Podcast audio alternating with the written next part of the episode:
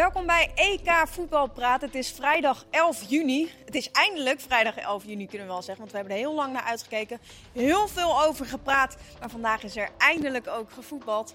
Uh, ik heb drie heerlijke mannen aan mijn zijde om deze avond mee te bespreken. David ja, Ent, Italië-kenner. Ja, ja ik heb wel uh, genoten van dit Italië. En dat was... Uh, je bent altijd bang, want de voorspellingen waren heel positief. Hè? Want Italië lang niet verloren, uh, nul lang gehouden, spelen aantrekkelijk voetbal. Maar dan denk je, ja, op zo'n wedstrijd, zo'n openingswedstrijd, kan het precies weer misgaan. Ja. Dus dan zit ik met die spanning dat het uh, misschien weer allemaal in duigen valt. Maar dat is, heeft uh, ja, reuze meegevallen. Ja, we gaan het er straks uitgebreid over hebben. Is het toeval dat je blauw aan hebt? Wat denk je? Nee, ik denk het niet. Oké. nee, hè? Nee, natuurlijk niet. nee. En uh, voor alle kijkers of luisteraars die denken, uh, Jordi Amali, welkom trouwens. Ja. Die zou toch een Turkije-shirt aandoen? Je hebt hem nog aan, toch? Hij zit er, hij zit er netjes onder. Moet je wel uh, een kleine, kleine gluur laten zien, in, anders geloof het niet. In tegenstelling, tot, in tegenstelling tot David heb ik niet, niet genoten van het land waar ik expert over zou moeten zijn. Dus ja, nee, het was een hele zware avond. Maar uh, met, uh, met beide voetjes weer terug op de grond. Dat is goed. Als Turkije nou met 1-0 gewonnen had, had je hier in dat Turkse shirt gezeten. Ik weet niet, wat ken ik je wel. Dan hadden wij je gedwongen. Nee, ik ben geen successupporter. Ik denk, volgens mij mag het niet. Nee, maar ik vind het goed dat je hem in ieder geval gewoon aan hebt. Uh, Christian Willaert, ook jij welkom. eindelijk is het begonnen. Ja, stond je, met, een, stond je met een ander gevoel op ook vanmorgen? Nou, een beetje wel, ja. ja, het heeft wel, ik moet eerlijk zeggen, het heeft heel lang geduurd voordat ik erin kwam. Hè. Je mist een beetje die beelden van één land waar het is en dat het helemaal op zijn kop staat. En de oranje camping. En, uh, ik heb niet zoveel met oranje camping, maar toch, toch als, je die beelden ziet, als je die beelden ziet, het doet wel wat met je. Maar uh, de afgelopen dagen uh, ja, is het toch gaan kriebelen. En, de ballen gaan rollen. En wat ik heel fijn vind, openingswedstrijden ook vaak staan in 0-0's, 0-1'tjes, noem maar op. Er werd wel echt gevoetbald. Zeker door Italië sluit niet uit dat we de nieuwe Europese kampioen al gezien hebben. Zo, zo nou, oh. uh, waarvan acte meteen al begin van de uitzending. We gaan het er zo uitgebreid over hebben. Uh, Milan van Dongen die kondigde gisteren al even aan. We gaan een beetje structuur proberen uh, te brengen in deze uitzending. Dus we beginnen met Oranje. Um, David, jij hebt natuurlijk lang met Frank de Boer gewerkt. Ja. Um, het is een beetje een hobbelige voorbereiding geweest. Uh, denk je dat Frank het nu prettig vindt dat uh, het nu over het voetbal zal gaan, nu het echt is begonnen. Hoe zie jij dat? Nou, ik denk dat hij er heel veel behoefte aan heeft. Omdat hij eigenlijk ja, de verpersoonlijking is van alleen maar voetbal. Hij houdt helemaal niet van die uh, randverschijnselen. Daar heeft hij ook uh, af en toe een beetje moeite mee. Hè? Dat, dat er andere zaken naar voren worden gebracht. Hij wil alleen maar voetbal. Hij wil alleen maar dat de focus is op het spel. En dat, dat kan ik heel goed begrijpen. En het zal niet makkelijk zijn, want je merkt dat er, en dat merkt hij natuurlijk helemaal, dat er ook wel enige weerstand is. Er was al weerstand toen hij kwam. Eh, en uh, als het resultaat goed is, dan is het oké. Maar als het slecht is, dan wijzen alle vingers naar hem. Dat is ook heel vervelend. Maar zodra die bal echt aan het rollen gaat en er wordt gevoetbald, om niet te zeggen gevoetbald, dan, uh, nou, dan, dan is hij het meest in zijn element natuurlijk. Ja, dus dat zal hem wat meer passen. Ja, absoluut. En uh, ik gun het hem natuurlijk ook wel. Het is een fantastische kerel. Maar uh, ja, de, zeg maar de, de wakken en de, de valkuilen liggen wel een beetje op de loer hoor, bij Oranje. En, en welke wakken heb je dan over? Nou ja, met name ook uh, hoe media reageert wanneer Oranje onverhoopt een slechte start zou hebben. He, dan, dan komt er veel over hem heen. En wat je al zei, het is niet vlekkeloos verlopen, die hele aanloop met kleine en grotere incidenten. De onzekerheid over Promes, het uh, gedoe met, met Sillissen. en uh, ja, dat is nou net niet wat je wil als bondscoach. Dan wil je eigenlijk dat iedereen zich volledig kan overgeven aan dat, uh, aan het spel en aan wat er gaat komen van zo'n Europese toernooi. Chris, denk jij dat als, als ze nu de openingswedstrijd winnen, dat dat allemaal meteen vergeten is? Totdat je de tweede verliest. Dat in ieder geval wel. Nee, maar zo werkt het toch. Zo werkt het toch. En, Klein, uh, de manier waarop. Ja. Met leuk, leuk spel wint, dan gaat het heel snel de andere kant op. En ook, ja, wat, wat is straks de opstelling? Hoe staat het straks? Welk systeem gaan we spelen? Als je, als je ook maar iets verandert en het gaat goed, dan zal de media zeggen: zie je wel, had meteen al zo moeten spelen. En als hij alles hetzelfde laat en het uh, gaat goed, ja, dan, dan zal de media toch, uh, zullen de media toch uh, een toontje lager moeten zingen. Maar wat ik zeg. Zullen ze niet doen? Zullen ze niet doen, want bij de, bij de tweede wedstrijd. het zwakke Oekraïne verbloemt de tekortkomingen van enzovoort. Dat zijn dan de koppen. Ehm, Zou je wat mee moeten doen? Ja, het hoort natuurlijk bij het vak. Hè? Je ontkomt er niet aan, je weet dat het zo werkt. In, in de voetbalwereld van tegenwoordig helemaal. Dus je moet er ook tegen gewapend zijn. En dan moet je de, ja, ook de juiste wapens hebben om daarmee om te gaan. Ja. Stoïcijns blijven, duidelijk zijn naar je groep toe, je niet laten afleiden. En ik denk dat hij dat ook wel kan. Het is de, ja, twee, twee dagen nog voor de wedstrijd natuurlijk. Het was vandaag een besloten training van Oranje. Dus we hebben niks uh, aan beelden kunnen zien uh, wat Matthijs de Ligt qua training heeft gedaan. Um, in welk kamp zitten jullie? Gewoon eerste wedstrijd uh, laten gaan voor de licht en geen risico nemen? Of zouden jullie wel gewoon kosten wat het kost? Want die eerste wedstrijd is zo belangrijk voor de rest van het verloop. Ja, ik ben toch altijd een beetje dat ik in het kamp zit van luister vooral naar de technische of naar de medische staf. En weet je, er zijn vaak allerlei factoren die zeggen kan hij echt niet spelen of kunnen we niet een pijnstiller geven. En dat ze, daar ben ik niet zo'n voorstander van. Als de arts zegt het is verstandig om te doen, als die zegt, en meestal doen ze dat ook in speelminuten toch. Hij kan een helft spelen of hij kan 60 minuten meekomen. Luister daar vooral naar. Ik denk dat, je dat, dat het allerbelangrijkste is. Ook, wat je kan wel zeggen, die wedstrijd nu is belangrijk, maar het, dan heb je hem daarna niet meer ja, het is, ik, ik zou vooral naar de, naar de medische staf luisteren. Ja, daarbij, daarbij, komt ook, vind ik, dat wanneer je zeg maar, de licht op dat gebied zo belangrijk maakt dat hij onmisbaar zou zijn, is ook een signaal naar de mensen die hem zouden moeten vervangen. Ja. dus dan, dat, je moet ook dat vertrouwen moet je voeden van oké, okay, er ligt niet, we hebben een volgende, die kan het ook invullen. En moet, daar moet je ook een zelfbewustzijn in uitstralen. En uh, niet uh, kosten wat het kost, een speler riskeren. Qua signaal naar de groep ook een signaal naar de groep. Ja, want dat zegt een trainer natuurlijk altijd. Hè. We zijn met 26 en het is één team. Nou, dat moet je dan ook op dat moment kunnen waarmaken. Ja. Ik denk ook in moderne voetbal. De professionaliteit van de medische staf is op zo'n niveau dat dit soort risico's worden helemaal niet genomen. Een speler is fit genoeg om te spelen of niet. Dan kun je nog voorzichtigheidshalve een speler bijvoorbeeld na 60, 70 minuten wisselen. En zo gauw er echt twijfels zijn, zullen ze hem zeker niet laten spelen. En ja, de licht komt bij Juventus vandaan, heeft ervoor bij Ajax gezeten, altijd goede medische begeleiding gewend. Die zal er naar luisteren. Die zal ook naar zijn eigen lichaam luisteren, dat weet hij inmiddels ook. Zo'n situatie van nemen we zo'n risico, kun je denk ik alleen maar voorstellen bij een finale of zo'n uitzonderlijke situatie. Maar het is uitgesloten dat ze een risico nemen, dat hij iets afscheurt en, en, en er vervolgens de rest van het toernooi niet meer bij is. Dat zou ook heel stom zijn, toch? Ja, dat zou niet heel, uh, heel handig zijn. We hebben Frank de Boer uh, de afgelopen dagen wel gehoord waarin hij eigenlijk zei van... Ik, negen namen weet ik en er zijn er twee waar ik nog een beetje over twijfel. Ja, ik ben dan veel te nieuwsgierig aangelegd dat ik denk, ja, ik zeg gewoon welke twee dat zijn. Uh, heeft hij niet gezegd. Maar wie denken jullie dat de, dat de namen zijn waar hij over twijfelt? Ik vind dat heel lastig. Ik ging erover nadenken. De spits zou kunnen, hè? misschien toch malen, dat hij Weghorst geprobeerd heeft. En nu kijkt naar de tegenstander, wat is het beste? Hè? Dat heeft hij wel een beetje gezegd.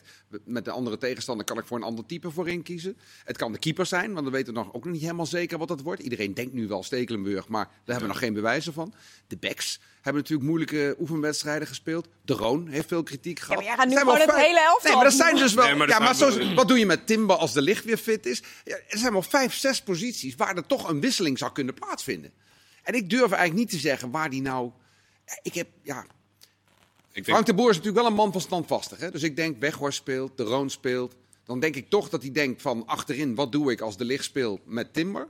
En misschien de keeper. Ik denk dat dat misschien of een van de backposities. Ik denk dat de keeper al wel weet. Ja, ik denk ook de keeper dat hij niet, uh, niet, niet, meetelt. En misschien dan, ja, misschien dan toch de voorhoede inderdaad. Dat ligt een beetje voor de hand. Dat hij daar nog echt uh, de spits. En ik, ik zou dan de Roon ook kiezen. Dat hij daar wel erg over twijfelt. Ten opzichte van Gravenberg misschien wel. Ja, denk je dat? Ja. ja. Ik denk dat hij de Roon uh, dermate hoog inschat. En juist vanwege de arbeid die hij ongezien verricht, hè, die, dat het mhm. niet zo opvalt. En wel heel erg belangrijk is voor de balans in de ploeg. En daar houdt Frank van. Hè. Frank hamerde vroeger altijd ook op betrouwbaarheid. Dat is een term die, die lag hem uh, helemaal voor uh, op de, in de mond. En ik denk dat hij daarom de Roon, die heeft hem nooit in de steek gelaten die heeft hem nooit laten vallen. En als hij dat nu opeens wel doet, dan, dan brengt hij dat hele mozaïek een beetje uit balans. Ik denk dat de, de boer is ook niet de trainer daarna om een speler te slachtofferen op een slechte beurt in een oefenwedstrijd. Weet je wel? Dat, dat, dat hij houdt lang vast aan de mensen die die Eigenlijk, dat zeg je al hetzelfde. Ja. Maar ja, als hij nou bijvoorbeeld tegen Oekraïne weer een slechte beurt zou hebben, ja, dan komt er misschien een moment op een gegeven moment dat een ander de kans zal krijgen. maar, ik geloof nooit dat hij voor de eerste als wedstrijd. Het niet, als het niet draait, als het niet draait zoals je zou willen, dan is het toch soms wel tijd voor een echte ingreep. Ja, en ik, ik denk voornamelijk in de hoek van dat je, dat je nou ja op papier en in veel mensen hun hoofd een defensiever speelplan dan heb je wel aanvallend uh, ingestelde of spelers die het kunnen versnellen nodig, zeg maar. Dus is de Roon, als je 5-3-2 gaat spelen tegen een mindere tegenstander, is dat dan handig? Heb je die zekerheid nodig in die wedstrijden? Daarom denk ik dat misschien die twijfel is op die positie. Ja, maar Oekraïne zie ik niet zozeer als een mindere tegenstander. Nee, dat is... Dat vind ik wel een, eh, een punt. En daarom denk ik eerder dat hij uh, twijfelt over uh, de spitspositie, hoe hij daarmee omgaat. Ja. Ja, dat hij daar misschien een, een, snelle, behendige jongen wil hebben. Als je kijkt naar de verdediging van, uh, van Oekraïne, waar over het algemeen fysiek sterke jongens in staan. Hè, dat, dat hij daar iemand wil hebben die een beetje ontsnapt aan, aan een spits. Ja, ik denk dat ze in Oekraïne heel blij zijn als Wout Weghorst op het, uh, op het formulier staat hoor. Want die, die kunnen zich vastklampen aan zo'n zo'n type speler. En Malen, daar kunnen die grote, uh, niet hele snel draaiende jongens centraal achterin bij Oekraïne het best lastig mee hebben. Ja, nou, dan uh, zijn we eruit, hè, de spits. dan is het de spits. Eén, plek hebben we. Ja, precies. één plek hebben we. Nou, die andere is dan uh, waarschijnlijk de licht, want dat weet hij ook nog niet. Goed, dat uh, speculeren en voorbeschouwen op Oekraïne, dat laten we aan onze collega's van morgen over. Dus tot zover even een streep onder oranje. de openingswedstrijd. we hebben wel eens saaiere openingswedstrijden gezien, zoals je al zei, Chris. Um, eigenlijk wat uh, Mancini vooraf had gezegd, uh, wat misschien niet heel erg bij Italië past. Zei we willen echt, uh, eh, mensen hebben lang thuis gezeten, willen ze vermaken. Is dat gebeurd vanavond? Ik denk het zeker wel. Ik denk dat, dat de Italiaanse fan die ja, toch een beetje ambivalent tegenover het nationale elftal heeft gestaan, sinds zeg maar de, het echec van het niet bereiken van het WK, dat die nu echt ook overtuigd zijn, zeker met deze wedstrijd, de manier waarop er is gespeeld, dat, uh, dat dit een team is om van te houden door de Italiaan. En dat ze daarmee doorgaan, dat ze dat vasthouden. Uh, en hij heeft, eh, weet je, Mancini die voelt dat goed aan. Dat is zelf natuurlijk een hele briljante aanvaller geweest. En die houdt ook van dat voetbal. Eigenlijk is hij een beetje schatplichtig, denk ik, aan, aan Arrigo Sacchi, die ooit is begonnen met een andere mentaliteit uh, te implanteren in het Italiaans voetbal. Het is stap voor stap gegaan en hij heeft nu eindelijk bereikt dat hij op die manier kan spelen. En ik denk dat het heel erg gewaardeerd wordt. En ook de manier, waar, sorry, nog, de manier waarop hij de media zoekt. Hè. Op Instagram had hij dus een open brief geschreven. Niet alleen aan de Italiaanse voetballiefhebber, maar aan alle Italianen dat hij hoopte dat, dat het nationaal elftal ook zou bijdragen aan een nieuwe tijd om, om, om weer vrij en open te zijn. En dat ziet hij, zie je eigenlijk een beetje vertaald in het voetbal wat hij speelt. Nou, dan is dan ook wel fijn dat als hij dat soort woorden heeft, dat dat in de eerste wedstrijd meteen ook uitkomt. Jordi, hoe lang had jij uh, gedurende de wedstrijd uh, hoop op een resultaat? Nou ja, allereerst bijzonder onder de indruk van Italië, van de uitvoering en van het tempo en van het spelplezier en van, uh, ja, eigenlijk, eigenlijk van alles. Echt, ze waren ontzettend goed. En ja, uh, aan de andere kant heb ik naar een gênante vertoning van Turkije zitten kijken. Wat ook weinig hoop biedt voor de rest van het toernooi, eerlijk gezegd. Omdat zeg maar, ja, je kan, uh, de tegenstander kan beter zijn, je kan overrompeld worden. Maar je mag dan wel in, minimaal in de wedstrijd nog proberen een soort van signaal te geven van... hé hey jongens, we gaan het over de andere boeg gooien of we, worden strijdbaar om ons terug de wedstrijd in te vechten. En dat heeft allemaal niet plaatsgevonden. Dus wat dat betreft, ja... Uh, ze weten wat. Het is misschien ook wel goed, hè, want het was uh, bijzonder. Zeg maar tegenovergestelde van Oranje. Het was bijzonder rustig in de aanloop van het toernooi. Uh, de, de, de experts over de hele wereld zeiden house in te gaan. De Dark Horses, Outsider, allemaal dat soort teksten. Ja, misschien zijn ze er een beetje zelf in gaan geloven. En heeft Italië ze met uh, twee voetjes terug op aarde gebracht. Beetje makkelammere waren ze. Absoluut. En ja. dat, nou ja, ik denk dat iedereen die, dat, dat die niet elke week naar Turkije ja. kijkt, maar ook wel weet dat het van origine geen makkelammetjes zijn ja, daarom, zeg maar, op het veld. Ja, echt overbluft en overklast op maar, alle facetten. Maar goed, uh, tegen Italië is wel gewoon meteen een flinke tegenstander. Zoveel Zeker. zegt het misschien toch niet? Nou ja, ik, nou ja ik, het gaat mij vooral om, om wat, je, wat je toont, zeg maar. En, en het is, ik snap dat je voorzichtig wil starten. Maar ja, door niks te doen, dan kan je nooit iets bereiken in het voetbal. En zij hebben echt ervoor gekozen om de eerste 45 minuten niks te doen. En dan kan je ervan zeggen, ja, misschien pakte het niet zo goed uit of het, het plan niet zo goed. Ik denk dat hij zich voor de zoveelste keer heeft verkeken op Yusuf Jasicje, die echt onzichtbaar was. En wat wel een tussenstation zou moeten zijn tussen het middenveld en de aanval, wat dat betreft.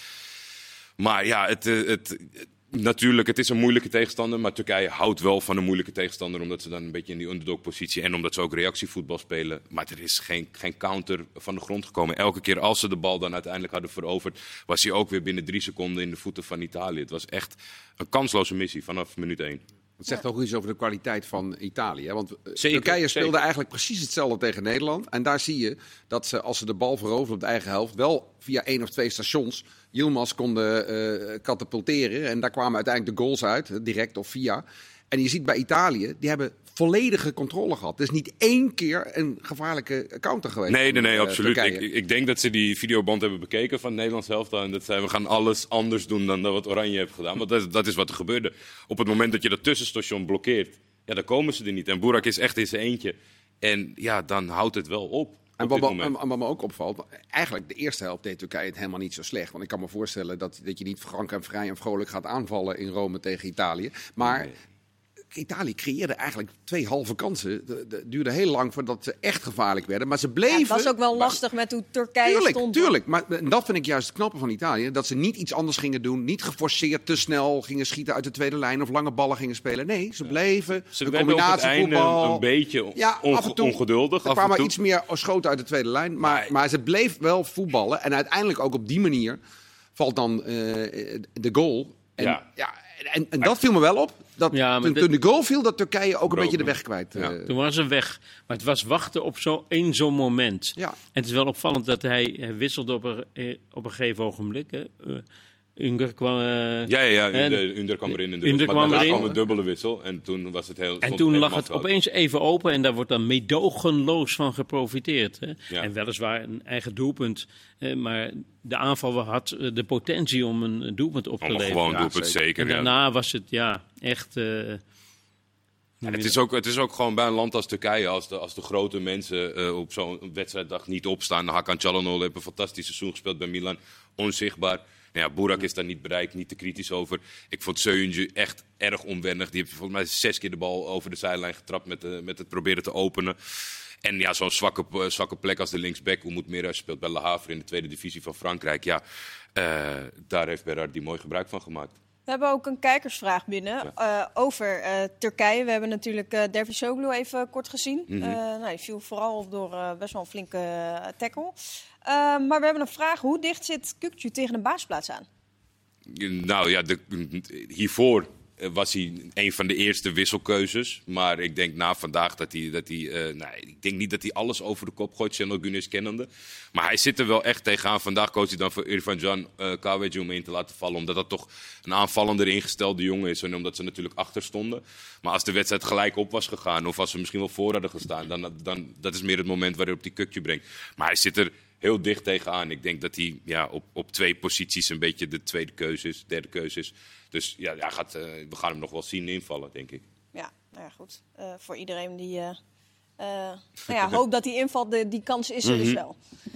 Um, ook bij de wedstrijd, eerst zal ik maar even benoemen, een primeur. Stephanie Frappard, eerste vrouw ooit op een eindronde. Mooie mijlpaal, belangrijk.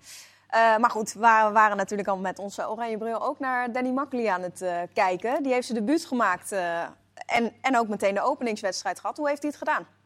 Nou, ik zeg al meteen geweldig. Alleen al omdat hij al die halve penaltygevalletjes wegens Hens weggewuifd heeft.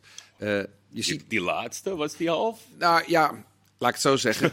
We, nou, we, hadden, het was fijn, we hadden het tijdens de wedstrijd over. Hè. Hens blijft een heel moeilijk verhaal. Iedere scheidsrechter die er informeel over praat, die gaat met zijn hand naar zijn hoofd. Ja, Christian, het is zo moeilijk. Dat soort mm. antwoorden krijg je. Ik heb voor de gein de originele Engelse FIFA-tekst gelezen. Nou, die laat ruimte voor allerlei... Ja, maar het is echt een lachfilm. Want die laat er, er, staan dan, er staan dan dingen als... Uh, if the hand is at shoulder height, then mostly it's a penalty. Mostly. Mostly, yeah. if, if, if the, uh, the ball hits the hand from close by, uh, usually it's not a penalty. Maar, maar er staat dus nooit... Het is altijd interpretabel. Ze houden altijd uh, open, open gaten zeg maar, om een andere beslissing te nemen. Het is ontzettend moeilijk voor scheidsrechters. En tot nu toe hebben we, zeker dit seizoen en vorig seizoen gezien... dat bij twijfel de bal op de stip ging en dat iedereen zoiets had van daar eerst nog geen enkele intentie. En nu is een keer de andere kant gekozen. En ik hoop dat dat een lijn zet voor de rest van het. Uh, hij, heeft wel, hij heeft wel de toon gezet. Daarvoor vond jij het een penalty? Nou, weet je wat het is? Als het, deze wedstrijd 0-0 eindigt, dan krijg je natuurlijk wel een enorme mhm. polemiek over dit geval. Ja. ja. En uh, ongeacht voor wie je bent, dan denk je, ja, vaak wordt de penalty wel gegeven. En dat maakt het zo verdraaid lastig hè, om, uh, om een echt oordeel te geven. Nu... Maar als het dus 0-0 was geweest en ik had het nu gevraagd? Ja, had ik heel boos geweest. Had ik gezegd, hoe kan het nou? Geen penalty.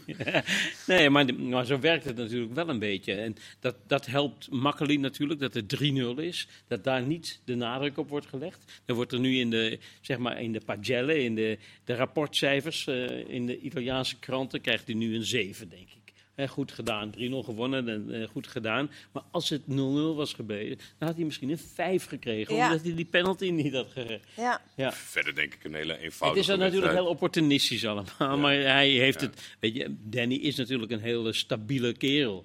En die heeft het ook heel stabiel gedaan in deze wedstrijd. Met zijn collega's. Want het is tegenwoordig een team. Hè? Het is een team. Het is een team. Uh, we moeten even tempo maken. Een terugkerend uh, rubriekje is de vraag van uh, Mark van Rijswijk. Nou, die stuurde me. we hadden al eerder op de dag contact. Sterk nog, hij stuurde me vanmorgen al meteen een vraag door. Ik zei: spreek hem even in, want dat houden we er dan in. hij stuurde me tijdens de wedstrijd een nieuwe vraag. Dus het is oh. van de wedstrijd. Ik hoop dat jullie het kunnen horen. Klinkt als Mark van Eerst in de geschiedenis van het het is voor het eerst in de geschiedenis van het EK dat het eerste doelpunt een eigen doelpunt is. Maar het is niet voor het eerst dat dit op een groot toernooi gebeurt. Op het WK 2014 was dit namelijk ook het geval. Wie maakte toen een eigen doelpunt en daarmee dus het eerste doelpunt van het WK 2014? Hebben we hem gehoord? Ja, ik heb hem heel goed gehoord en ik, uh, ik pijnig mijn hersenen. Ik denk dat Jordi het. Nou, ja, ik ben, ik ben niet zo'n quizzer hoor. Openingsduel 2014. Nou, ik heb uh, Je hebt de hele pauze toch? Om ja, we hebben de hele pauze om, om, over na te denken. Hebben... nee, nee, ik ga jullie in de gaten houden, heren. Ik ben uh, heel erg streng. We zijn zo meteen terug. We hebben de mannen ook nog uh, beste speler, tegenvaller van de dag, compliment van de dag. We hebben ze druk aan het werk gezet, dus daar komen ze zo meteen nog mee. En we gaan voorbeschouwen ook nog morgen, want dan zijn er drie wedstrijden. Genoeg te bespreken. Tot zo.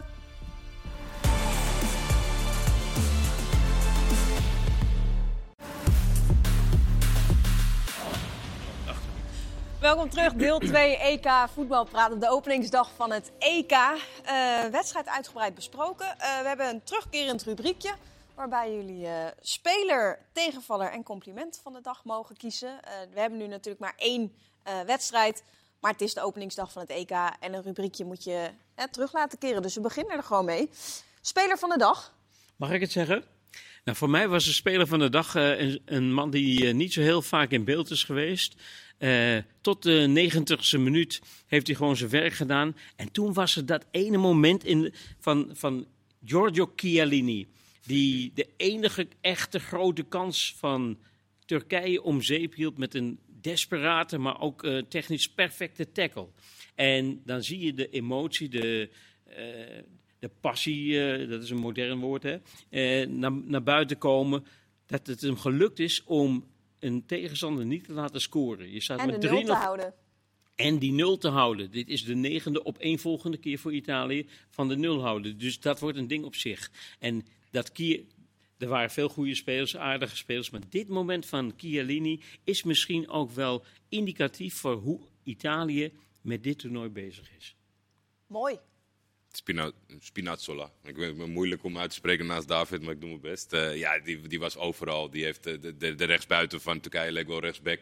Die is de, de hele wedstrijd. Uh, uh, en, en, soms schoof je ook door naar de teampositie. Die, die, die, ja, die was gewoon niet af te stoppen. En die, dat kost je gewoon één speler. En ook gewoon, dat is ook gewoon een factor. Als je zo dwingend kan zijn een ploeg die op de counter speelt, die hebt die paar mensen die voorin blijven nodig. Maar ja, die, die zijn er dus niet als je de hele tijd achter je bek aanloopt. En dat, dat, ja, dat is echt gewoon ik vond dat hij een sensationele, perfecte wedstrijd bijna speelde. Ja, hij is natuurlijk bij AS Roma. De mensen die dat kijken zien hem... Eh, eh, nou ja, daar heeft hij echt wel een aardig seizoen uh, ja, ja, gedraaid. Zeker. Maar mooi dat hij dat ook bij, uh, bij Italië zo kan doen.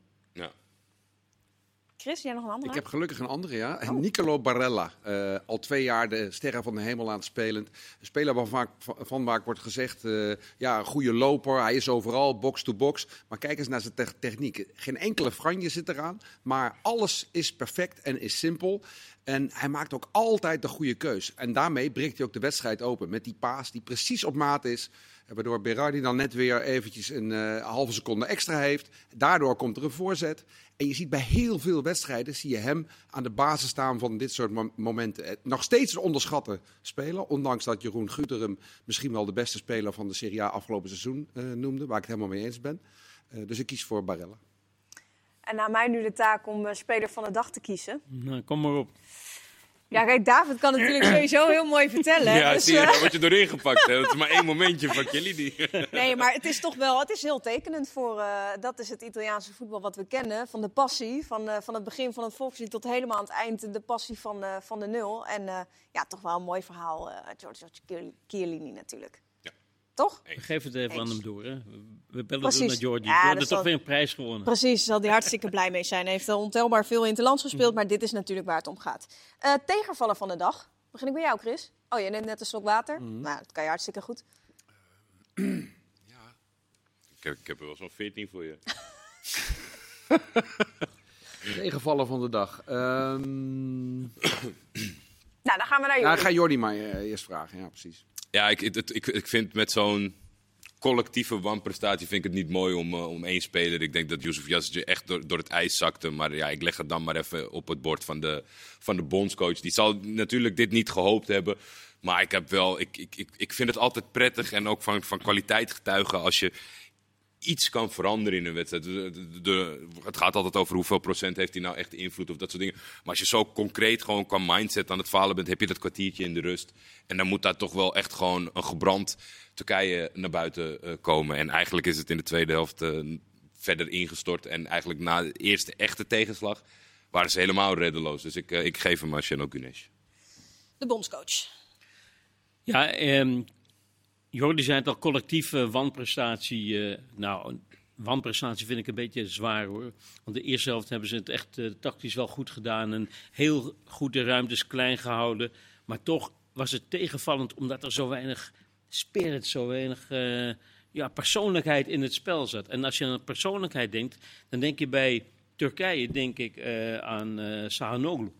Dat hoort normaal een man te zijn die inspireert, die dingen bedenkt, die creatief is in zijn oplossingen, maar ook een team een beetje op sleeptouw moet nemen. En die was eigenlijk helemaal gesmolten. Die was onzichtbaar. En als symbool voor zeg maar, de slechte prestatie van Turkije zou ik zeggen Sanoglu de nummer 10 van Ik heb, uh, ik heb hem inmiddels mijn oh, tegenval. Hem. Oh, ik had hem van tevoren bedacht, maar ik was hem weer vergeten. Nee, maar mijn tegenval is de Turkse discipline. We hebben het hier samen vaak over gehad. Dat Turkije vroeger altijd goede spelers, maar dan kwamen ze 1-0 achter of iemand werd een beetje geprovoceerd. Dan een rode kaart, stonden ze met 10 en dan was het klaar. En nu hadden ze die discipline inderdaad precies wat David zegt. De eerste helft perfect. Maar dan komt die tegengoal en dan verwacht je, wat moet je dan doen? Je speelt tegen Italië, wat is het, 58e minuut 1-0 achter. Rustig zo blijven, dicht houden, hopen dat je nog 1-1 maakt. En als je 1-0 verliest, ook geen schande. Maar wat doen ze? Basis inleveren, een paar gekke overtredingen, uh, gatenkaas. In no time is het 3-0. Ja, dat viel mij tegen. Juist omdat ze ook heel veel. Er zijn drie spelers die in, met Lille Frans kampioen zijn geworden. Jongens die in Engeland spelen. En toch kunnen ze dan niet uh, die lessen die ze daar uh, geleerd hebben meenemen in dat laatste half uur van de wedstrijd? Ja, dat vind ik echt een tegenval. Had ik niet verwacht. Ja, Moet nou, je nu ook weer kiezen? Allemaal wie de, wie de, wie de meeste nee, nee, nee, grote tegenvallen Turkije in zijn geheel. uh, compliment van de dag hebben we ook. Ja. Naar wie gaat hij? Hoeft, niet iets, uh, hoeft geen speler te zijn. Voor mij gaat hij naar de assistent, uh, assistent scheidsrechter. Ja, die had ik al. Ja, dat da daarom, ik, daarom denk ik, ik pak hem meteen. Je mag hem samen, vertel. Hoezo dan? Vertel eens, ja. Ja, super scherp als je gewoon, uh, ja, uh, als je oplet uh, bij die corner. Een hele gekke manier dat je opzij. Oh. En ik, ik ging al zelf, ik dacht, dat kan toch helemaal niet. Maar Moet ja, even uitleggen wat er gebeurde. Er was, een, er was een balletje opzij, maar die is dan op papier is hij naar voren. Er staan twee man bij de hoekschop, maar hij paast hem naar voren. En, en Turkije had niemand langs de palen, dus stond die jongen heel lullig buitenspel. En ja, misschien dat je daar in de snelheid of, of iets dan te overheen kijkt of, of misschien wel laat gaan. Maar er werd uh, strak ge, gevlacht uh, door meneer. Hij stond, uh, het leuk, die regel is op een gegeven moment aangepast. hij stond buiten het veld. Maar als je als aanvaller buiten het veld staat, dan word je geacht op de doellijn te staan. En als je op de doellijn staat en er staat niet een verdediger of een keeper op de doellijn, dan sta je natuurlijk altijd buiten spel. Ook al wordt de bal terugwaarts, zeg maar, gepaast, dat maakt niet uit. Ja, dat, dat moet je wel even zien. en natuurlijk, als, reken maar als assistent, als je die mist, mm. dat je geslacht wordt. Ja, uiteraard. Maar hij had hem meteen. De vlag ging, uh, ging... Keurig. Nou, meteen. Hij wacht even één seconde. Wij zeiden tegen elkaar, wacht even, is het dat niet... Kan niet uh, en toen woep. maar... Toch mooi. Op een EK-openingswedstrijd, chapeau. En Makker die hadden we al een compliment gegeven. Dus ik dacht dat Hessels Steegstra was, want volgens mij is de Vries wat kleiner. Maar als het de Vries is, dan uh, geven we hem alsnog aan de Vries. Nou, gewoon de assistent scheidsrechter hebben we in ieder geval. Goed. David, nog een andere? Of, uh... Ja, mijn compliment gaat naar uh, Giorgio Armani. En uh, hij is. Hij, dat bedrijf Armani levert de kleding, de, de nette kleding van het Italiaanse elftal. Nu zijn, staan Italianen erom bekend dat ze dat heel verzorgd doen. En dat is ook elke keer is het wel weer een verrassing waarmee ze komen. Maar dit kostuum was een, een lichtreis Colbert. Dat refereert een beetje aan het WK 1982, toen Italië ook die kleuren uh, droeg. Uh, hadden ze ook dergelijke kostuums. En het is een eerbetoon aan het elfde van uh, Enzo Bearzot, dat in 82 dus wereldkampioen werd. En die, die gedachte daarachter vind ik een compliment waard. Dat vind ik mooi. Dat zijn dan net de nuances, de details waar het om gaat in, in het Italiaanse voetbal. Wat meer is dan voetbal. Hè. Calcio heet niet voor niets calcio, omdat het iets heel anders is dan voetbal eigenlijk. Maar zulke dingen, zulke elementen vind ik prachtig. Ja, dat zijn de kleine dingen waardoor het net iets meer gaat leven. Giorgio um, Armani. Staat genoteerd. Um, voorbeschouwen. Morgen eindelijk de eerste echt gewoon volle dag. Uh, drie uur wedstrijd, zes uur wedstrijd, negen uur wedstrijd. Uh, waar kijken we het meest naar uit? Welke, welk duel? Want even voor de duidelijkheid, het is Wales, Zwitserland, Denemarken, Finland en België, Rusland. Ik kijk voetbal inhoudelijk het meest uit naar België, Rusland, denk ik. Benieuwd hoe de Belgen ervoor staan. Kijken, bij Rusland zitten best wel veel jongens die ik niet ken. Dat vind ik altijd, dat vind ik altijd leuk uh, om, om te zien. En ik denk dat dat kwalitatief wel het beste affiche kan zijn. Maar op een eindtoernooi weet je het natuurlijk nooit. En dan kan het ineens Finland iedereen laten schrikken.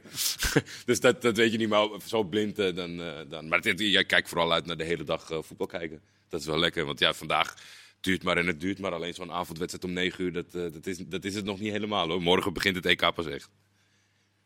Ja, ik, ik sluit me erbij aan. Ik, ik vind ook België, Rusland. Met name ook omdat België natuurlijk zonder Witzel en zonder De Bruyne is afgereisd naar Sint-Petersburg. Ze spelen ook in Rusland, waar behoorlijk veel uh, ik, ben, ik, ben het exacte getal kwijt. Maar volgens mij zit er een, een half of een driekwart gevuld stadion. Met echt dus heel veel Russen ook die daar zullen zitten. Dus dat zal het iets moeilijker maken uh, voor de Belgen daar in Sint-Petersburg.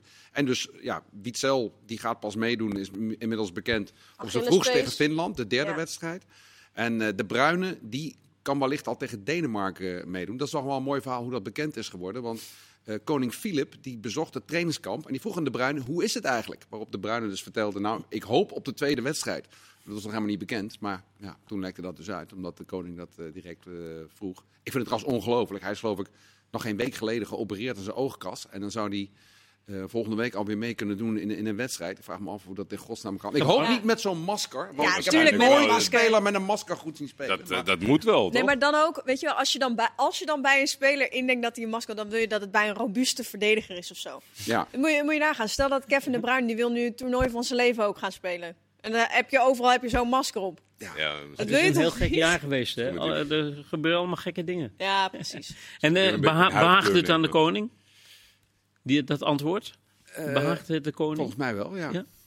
Oh, is toch fijn, voelde hij zich toch een beetje speciaal. Bij uh, Rusland trouwens, uh, vandaag een positieve coronatest van uh, Andrei Mostafoc. Voor je, toch? Ja. ja. Een, een, een, een, valkuil in die zin, omdat ja, natuurlijk een hele bekende Mostafoy was ooit ja. voetballer. Ja, voornamelijk in Spanje. Maar uh, het, is, het is dus geen familie, dus uh, val daar niet voor. Maar ja. Uh, ja, het is op zich wel opmerkelijk toch in deze fase nog ja, positief testen. Ja, maar los van dat die, die, die wedstrijden zijn natuurlijk al enige tijd bij elkaar. En volgens mij benader je het een beetje als een bubbel. Dus Hij testte aanloop... eerder deze week negatief. Ja. Dus waar dat dan moet zijn gebeurd. Ja, het zijn altijd van die cowboy-verhalen van voetballers die de hotelkamer uitglippen, toch? Dus wie weet is Mostafoy even in de... Ja, maar de Russen doen dat niet. Nee, nee, nee, de Russen niet. Je hebt contact met de Russen dagelijks. nee, nee, nee. Ik, uh, ik ga gewoon uit van de bestaande voordelen. Ja, maar je moet je toch. Stel dat, stel dat je dus nu had gehad dat hij dan pas later eruit was gevist en dat hij wel nu al had gespeeld. Ja. En dat, wat, het, wat het effect kan zijn op, op de rest van de Nou, en, en als Rusland zijn. Ja, maar jongens, incubatietijd kan tot 14 dagen zijn. Hij hoeft maar met een pen van een fan een handtekening gezet te hebben ergens vorige week woensdag. En dan is het bingo, ja. Ja, het zal zo. ja. Je hoopt het een soort van, denk je, met, met hoe alle landen het serieus af, uh, aanpakken en proberen af te bakenen, dat je het kan beperken. Maar ja, als het eenmaal als het gaat rollen, dan kan het wel eens heel vervelende invloed hebben op het uh, toernooi als geheel. Ja, daar moeten we echt wel op hopen. Dat er niet straks twee of drie landen zijn waar er gewoon acht in quarantaine moeten en een hele bubs andere uh, voetballers wordt ingevlogen die al met vakantie, die al op Ibiza twee weken aan de witte wijn hebben gezeten. Dat, dat... Nou ja, het ging, ging bij Denemarken ook goed, toch? Kijk, en nu komen we bij Denemarken. Precies. maar bij Denemarken toen was het natuurlijk wel zo dat uh, vrij. ze waren vier, drie, vier dagen met vakantie. Ze werden teruggeroepen.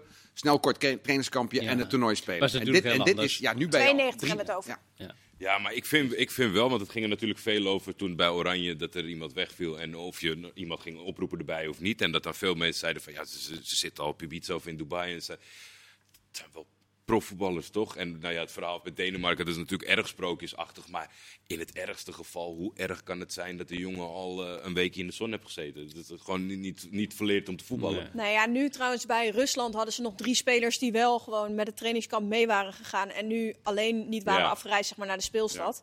Ja. Uh, dat is natuurlijk wel de ideale situatie. Ja, Spanje heeft ook zo'n beetje zo'n schaduwelftal uh, volgens mij paraat staan voor het Nou ja, die drie spelers is natuurlijk. Je hebt 26, een selectie van 26, mhm. maar dan mogen er maar 23 per wedstrijd op het wedstrijdformulier. dus dat betekent dat er eigenlijk altijd drie apart moeten worden gezet. Ja. Ook bijzonder sneu ja. eigenlijk als je erover nadenkt. Maar uh, dat, ik, volgens mij heeft Rusland nog niet, uh, zoals Spanje inderdaad, een soort schaduwelftal nee, al echt in de bubbel gezet. Omdat er één geval is. En nou ja, wat we het net over hadden. Daar heeft Luis Enrique dus al rekening mee gehouden. Dat vind ik vrij ver gaan trouwens. Je zult ook maar op vakantie zijn als Spaanse speler. Ik weet even zo gauw niet de naam van een speler die daarbij zit. Maar je hebt dus een heel seizoen gespeeld, een lang seizoen. Je weet, over drie weken beginnen de trainingen weer. Je bent acht dagen op vakantie en dan belt Luis Enrique. Er is 2% kans dat we hier een uitbraak van corona krijgen. En dan zou je wel eens de tweede linksback kunnen worden. Ga je terugkomen van vakantie en in een bubbel gaan ergens. Wat zou jij zeggen, Chris? Nee, bedankt. Uh, onmiddellijk. Ja, toch? ja, tuurlijk man. Ja, iedereen. Ja. Ja, maar dat is ook de factor, zeg maar, met die extra speler erbij roepen, vond ik bij Oranje. Het is toch ook gewoon, iedereen wil dat toch graag. En er zijn jongens die daarvan dromen. En dat is misschien uh, eenmalige kans, neem ze er gewoon bij. Ja. En dan zitten ze maar op een hotelkamer bij die, bij die drie uit. Maar als je, als je er niet bij zat en je hebt al 80 in de land, kan ik me voorstellen dat je zegt, joh. Ja, dat, is, dat, dat, dat snap ik ook wel. Ja. Um, ja? Het is nog wel lands, lands eer waar je voor speelt. Ja. Heb je ze zien zingen allemaal? Die Turken en die Italianen. Ja, maar dan heb je ook wel de twee, twee voorbeelden tegenover elkaar. Je hebt de beste maar, de, maar, de, maar de Italianen zongen harder dan natuurlijk. Ja, ja, ja dat is zeker wel... deze Ja, maar dat, dat, is een dingetje. Dat, ja, ze maken zien. Zag jij dat niet? Nou, nieuwe, nieuwe, nieuwe generatie. Deze jongens zijn allemaal toch, ja, je kan de beelden, de dromen van uh, de, de uh, play-off wedstrijden tegen Zwitserland. Uh, dat, dat, dat knalde de, de slagaders zeg maar, tijdens het schreeuwen van het volkslied. Dat zit er niet meer bij. Maar ja, ze, ze zingen wel gewoon met z'n elfen mee. Netjes. En ze zingen ik, ik heb nog een wedstrijd. Want ik kijk uh, vanuit een uh, sentimental journey eigenlijk, uh, zou ik willen maken naar het, het Parkenstadion in Kopenhagen. Om Denemarken tegen Finland te zien. Het is toch heel bijzonder dat Finland meedoet. Hè? Ik heb met, voor het eerst? Ja, voor het eerst. En daar heb ik het met mijn vriend Jari Liedmanen over gehad. En ik hoe vind je dat nou? Hij zegt nou, het is meer dat het het Europees kampioenschap naar Finland is gekomen dan dat Finland het Europees kampioenschap heeft bereikt. Omdat het natuurlijk een grote, grotere groep is. Maar het is wel een hele leuke wedstrijd, denk ik. En uh, bij Denemarken heb je natuurlijk ook een paar Nederlandse connecties. Hè. Je hebt natuurlijk Boylersen die daar uh, in de selectie zit. Eriksen natuurlijk. Dolberg. Dolberg. Dus dat, dat, dat, uh, dat triggert. En bij Finland is het weer aardig. Daar speelt Thomas Lam. Van Pek Zwolle. Ja. dat is ook wel heel bijzonder. Die zit bij die selectie. Of wie speelt, dat is maar de vraag. En je hebt een andere jongen, Frederik Jensen, die heeft bij Twente gespeeld. Dus al die connecties, dat vind ik wel weer heel erg aardig. Dat er zo'n semi-Scandinavisch onder onsje is daar op het Europees niveau. Ja, dat is altijd is leuk. een vraagteken, dat is wel een ramp. Uh volgens mij, ik las vandaag dat hij nog een beetje twijfelgevallen is. En Poekie is wel zo goed als Finland, zeg maar. Ze doen met z'n allen alles tegenhouden en eh, de bal op Poekie. Dus dat zou wel een aderlating zijn dat hij die ja, dat wedstrijd moet missen. Alleen al voor die naam, hè. Als je Poekie eet en je staat in de spits, ja. ja, dan, uh, dan doet het het goed. Um, heel mooi nieuws vandaag. op deze openingsdag van het EK. stadions weer wellicht vol na 30 juni. Dat is wel het. nou ja, ik, ik, als ik nadenk aan. Als ik denk aan een vol stadion. En daar weer in werken. Ja, ik word al helemaal nu enthousiast ervan. Chris? Ja, het klinkt heel gek, maar je, je bent het bijna vergeten voor mijn gevoel. Hè? Ik, ik merkte het toen. Hoe bij het die was, bedoel je? Ja, bij die play-off wedstrijden met uh, tien. Laten we eerlijk zijn, hè? tot een jaar geleden, als een stadion 20% uh, gevuld was, dan zei je tegen elkaar na de wedstrijd: Nou, dat was helemaal niks in zo'n lege badkuip. En nu zit je met 20%, zit je helemaal te genieten van het gejuich en de reacties. En en dat is 20% En straks krijg je dus weer een vol stadion. Ja, ik denk dat we gewoon weer helemaal verliefd worden op, uh, op stadionbezoek met, ja. met z'n allen. Heel erg afgeleid zijn, denk ik ook. Ja, ja precies. Ja. Qua werk, sowieso. Ja, ja, Maar ja, wel echt mooi nieuws. Ja, absoluut. Laten we hopen dat het... Uh... Ja, laten we hopen dat het veilig is, hè? Dat het, uh, dat het gegrond, gegrond is, dat er geen uh, risico's worden genomen. Nee, nou. En dan vind ik het echt goed. Ja, we kloppen hem even af of het ja. allemaal nog goed gaat komen. we hoorden eigenlijk drie dagen geleden al over de schorsing van die speler van... van of tenminste niet de schorsing, maar dat verhaal rondom die speler van Stuttgart... Um, vandaag is bekend geworden dat het, uh, dat het 30.000 euro dat hij een boete krijgt en dat hij uh, ook drie maanden geschorst is. Nou ja, zo ernstig is dat eigenlijk helemaal niet. De schorsing is geaccepteerd. De Duitse bond is eigenlijk heel erg blij dat, uh, dat het verhaal nu voor die jongen klaar is. En die schorsing loopt dan nu tot 11 september. Dus zoveel mist hij nou eigenlijk ook niet. maar voor degene die het een beetje gemist hebben, het is een bizar verhaal. Silas ik heb het gemist. Dus een revelatie bij Stuttgart dit jaar. Een ontzettend goede speler. Het gekke is dat dit verhaal is zo'n beetje twee jaar geleden naar buiten gekomen. Maar het is nooit echt dooronderzocht. Of, of tenminste niet met enig tempo. Maar we weten in de voetballerij en uh, verdachtmaking dat duurt heel lang. Zoals Benzema, die nog steeds geen uitspraak heeft gehoord en dat soort zaken. Maar het, het, het is dus zo, en die jongen kan er eigenlijk niks aan doen, want het is Olivier Belessi, uh, de zakenwaarnemer, die in het verleden al uh, uh, miljoen, ongeveer een miljoen heeft verduisterd van speler Mulumbu bij Celtic. Die heeft hem gedwongen om, om het papiertje te ondertekenen. Zeg maar. Die zegt van het is handig, we passen je naam aan en we maken je een jaartje ouder. En ja, mega raar verhaal. En ook zo in die open. Maar uiteindelijk nu toch tot een einde gekomen. En ja, dat je dan. Ik vind het moeilijk hoor dat hij drie maanden geschorst is. Nou heeft hij er niet zoveel last van en accepteer je het dan maar. Maar ja. Ik denk dat hij al lang blij is dat dit achter de rug is, toch? Ja, dat wel, dat wel. Maar ja, dus, ik denk dat je dan best wel als, als onderzoekende partij misschien onderschat onder, wat voor druk zo'n jongen wordt gezet. Om, om, dat, om dat überhaupt te doen. Want wat kan hem het schelen, zeg maar. Ja, maar, maar, moet je nagaan dat hij, want hij heeft afgelopen seizoen, eh, ik heb het even opgezocht, want de, de naam deed bij mij wel een belletje rinkelen. Hij heeft 25 wedstrijden gespeeld, 11 goals en 5 assists. Met, met dus wetende dat er misschien zoiets nog uit gaat komen of consequenties heeft. Wat, eh, praat me bij, want wat is de essentie van het verhaal? Hij is niet, was eigenlijk niet speelgerechtigd. Ja, ja, was wel speelgerechtigd, maar zijn zakenwaarnemer heeft... Uh, nou, eigenlijk dus niet. Als je een verkeerde naam hebt ingevuld. Hij heeft een, nou, ja, nee, hij heeft een andere naam aangenomen. En, uh, aangenomen. Hij heeft onder een andere naam uh, zijn identiteit vervalst. Ja. En oh. ook een jaar ouder Ja, ja. Verkeerde leeftijd ja. ingevuld. Ja, dat is okay. niet helemaal de bedoeling. Ja, maar het, zo, het, het, klopt ook zeg maar, niet met het cliché. Omdat zeg maar, dat, dat heel vaak worden dat... en dat, dat is helemaal niet goed. Maar het, het, is in het verleden wel eens gebeurd. Maar dat, juist andersom. Dat je een jaar eraf haalt. Zeg maar, dat je, dat je opgeeft dat je jonger bent en dus een voorsprong hebt. Dus het is eh, eh, wat dat betreft ook niet te volgen wat er is gebeurd. Nee. Ja, maar ik vind het ook ongelooflijk. We praten over Duitsland, hè? een van de meest best gereguleerde landen die er zijn. En dan zo'n flagrante identiteitsfraude in een, in een miljoenenindustrie die ook nog eens een keer vol in de picture staat. Ik vind het ongelooflijk, echt ongelooflijk. ja. Uh, tot slot, want we hebben nog 50 seconden. Uh, is er iemand die nog een tip heeft? Want we zijn nu echt begonnen met het, met het EK. We weten natuurlijk, we moeten op Mbappé letten. We weten hè, wie we allemaal in de gaten willen houden. Maar is er nog een tip die jullie hebben waarvan jullie denken, daar moeten we echt naar kijken? Ik heb een Oostenrijk gevoel. Ik heb een Oostenrijk gevoel. Uh, iedereen zegt Oostenrijk, dat is jong tegen oud. En ze zijn allemaal niet harmonisch. Maar ik heb gekeken naar die spits, Kalajdzic. Twee meter lang, scoort met links, scoort met rechts, scoort met het hoofd. Is snel ik, ik denk dat Oostenrijk uh, wel eens een verrassing kan worden. Oké, nou die staat genoteerd. Uh, dat was hem. Tip van Chris. Uh, nog één keer de naam? Kalajdzic. Kalajdzic. Nou, uh, heel goed. We gaan kijken. We gaan hem echt We gaan hem beoordelen. We gaan streng zijn. 16 goals in de Dank voor het kijken. Morgen zijn we er weer met een uitgebreide EK voetbalpraat. 11 uur en half 12 op ESPN. Fijne avond. Dank heren. Hoi. hoi.